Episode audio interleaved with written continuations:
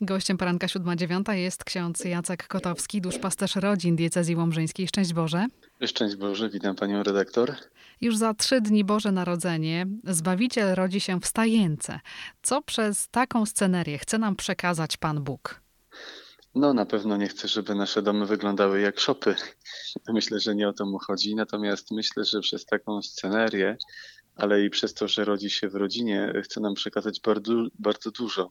I na pewno chce nam przekazać prawdę o małżeństwie i myślę, że prawdę o rodzinie.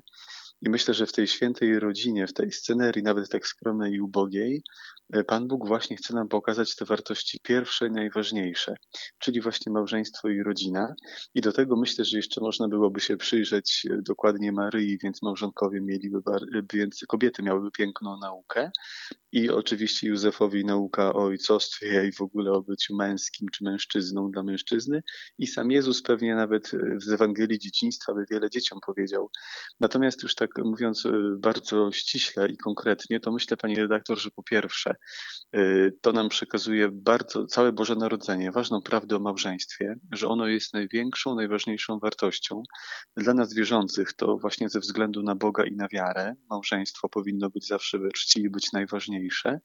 I również y, tak samo dla osób, które nie wierzą, a żyją w związku, powiedzmy nawet cywilnym, jako mężczyzna i kobieta, czyli w małżeństwie, które też chroni konstytucja, y, że również dla nich to powinna być wartość największa. Dlaczego? Najprościej mówiąc, nic po prostu człowieka nie cieszy, nawet zawodowa kariera i bycie wielkim dyrektorem czy prezesem. Myślę, że nie cieszą i wakacje za granicą, myślę, że i nie cieszy najpiękniejszy samochód, kiedy coś w moim małżeństwie szwankuje, kiedy nie rozmawiam od trzech dni z żoną, czy kiedy wracam do domu, a mąż chodzi nadąsany przez trzy dni. Wtedy nic nie cieszy, czyli już patrząc na świętą rodzinę i nawet na tę ubogą scenerię, widzę, że nic mnie nie będzie tak bardzo cieszyć, kiedy moje małżeństwo nie będzie na pierwszym miejscu i nie będzie świetnie poukładane, jeżeli chodzi o relacje między mężem i żoną.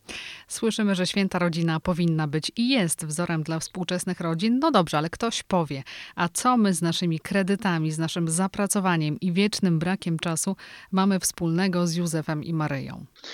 Pani redaktor, no właśnie, może by trzeba było trochę w święta usiąść może jest teraz inflacja, niektórzy mówią bardzo duża, ma Pani rację, pewnie niektórzy mają wielkie kredyty, chociaż nie wiem, czy do końca bym się z tym zgodził. Pewnie wielu rodzinom żyje się trudno, ale z drugiej strony proszę zobaczyć, e, nie wiem, czy Pani się tu przydarza, ale mi kiedy nieraz pytam dzieci, co chcą dostać na gwiazdkę czy na urodziny, mówią, wujku, my mamy praktycznie wszystko, sam nie wiem, co chcę dostać, a i wiele ludzi dorosłych mi mówi, że na przykład zastanawiają się, co dziecku podarować na jakąś okazję, bo dzieci dzisiaj mają wszystko. E, pani redaktor, no pewnie niektórym żyje się bardzo biednie, też nie jestem oderwany od życia, ale może właśnie to ubóstwo stajenki pokazuje nam, że my nieraz naprawdę gonimy za wieloma rzeczami, e, nieraz bierzemy kolejne kredyty, pomnażamy nasze majątki, idziemy robić karierę zawodową poza domem, a tak naprawdę tracimy wszystko, co mamy wokół. A z drugiej strony mam też takie wrażenie, że kiedy żyło nam się trochę skromniej, to my wtedy też widzieliśmy te wartości, które były pierwsze i najważniejsze, i pewnie te skromniejsze warunki, mam wrażenie, lepiej nieraz przygotowywały ludzi do życia niż ten przepych, który mamy. Natomiast no, pewnie święta rodzina nie podpowie, jak kredyt spłacić, bo być może nie są najlepsi od pomnażania majątku, ale na pewno są świetni, jeżeli chodzi o pomnażanie wartości, które są w domu niezastąpione. Przyjrzyjmy się świętemu Józefowi, bo poprzez to, że niewiele słów, e, niewiele scen może, w których on występuje na kartach Pisma Świętego, może nam się wydawać, że święty Józef był e, bierny i tak niektórzy go postrzegają jako takiego wrzuconego e, przez Boga w rolę i koniec. Takie myślenie o Józefie to jest błąd? Oczywiście, że tak, bo to jest piękny wzór e, dla mężczyzn. Papież nawet przecież rok świętego Józefa ustanowił, skończyliśmy go 8 grudnia. Ale dlaczego z taką tezą się zupełnie nie zgadzam?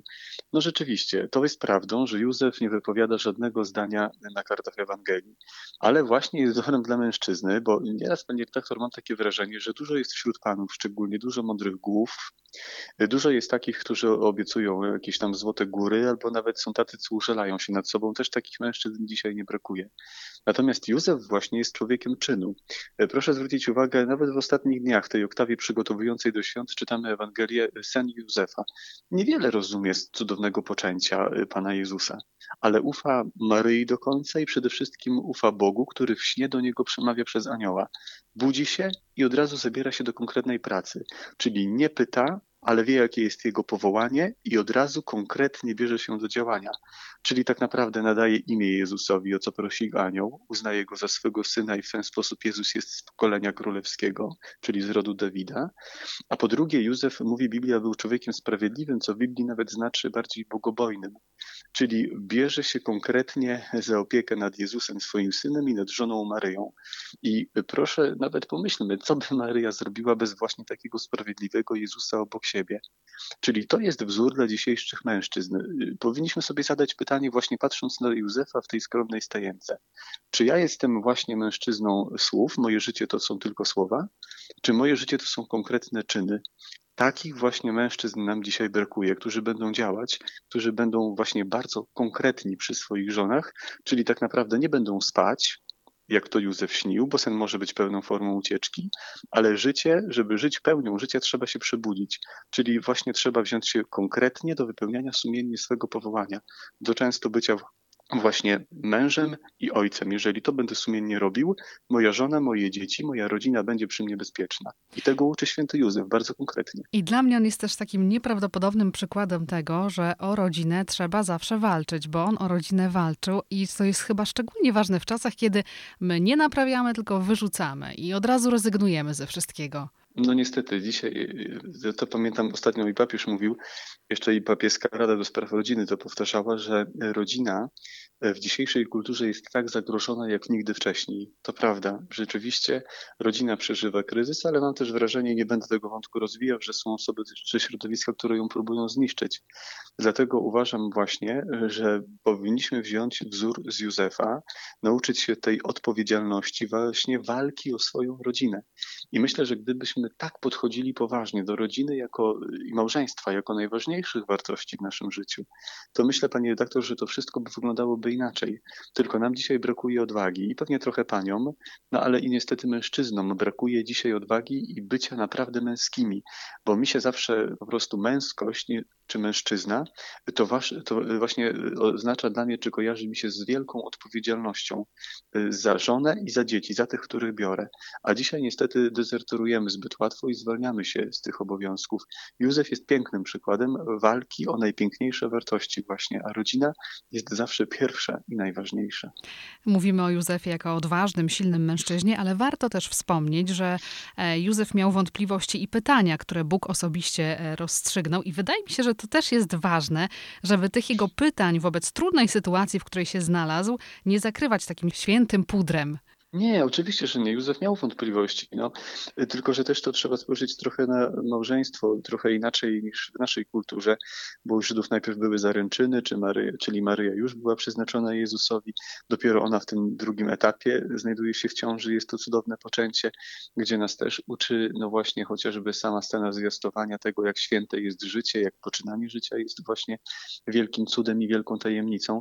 Natomiast Józef tak, miał pewnie też szereg wątpliwości i to jest jak jakby normalne, ale szukał odpowiedzi i pewnie na modlitwie, ale też i y, naprawdę tam, gdzie wiedział, że jest wyraźnie interwencja Boga, zbyt wielu pytań nie stawiał.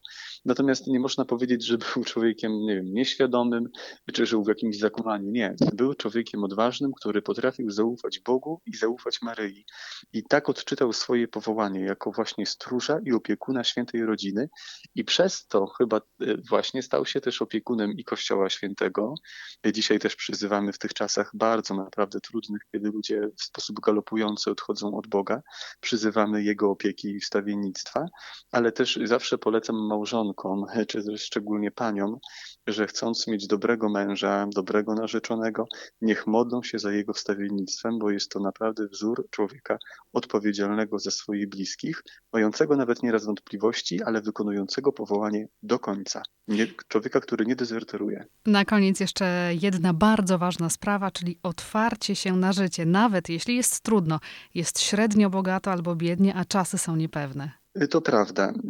Zobaczy pani redaktor, czytaliśmy Ewangelię, chociażby piękną znów Ewangelia dzieciństwa Jezusa, czy tych początków, kiedy Maryja w stanie brzemiennym idzie 150 kilometrów czy, czy kilka dni, czyli kilka dni do świętej Elżbiety i spotkanie dwóch kobiet. No dla mnie jest to urzekające, bo to jest taka radość i dzieci tak się musiały poruszyć mocno pod sercami tych dwóch niewiast, Jan Chrzciciel i Jezus, że Elżbieta wydała okrzyk radosny po prostu, skąd, że mi to, że czuje, że przyszła Maryja z kimś naprawdę wyjątkowym pod sercem. Czyli ile tu jest radości z macierzyństwa, ile tu jest wrażliwości tych kobiet, jakie one są spokojne, też gotowe służyć innym, bo wiedzą, że Bóg im zaufał dając dziecko. No, cudowne też dzieci nosiły pod sercem.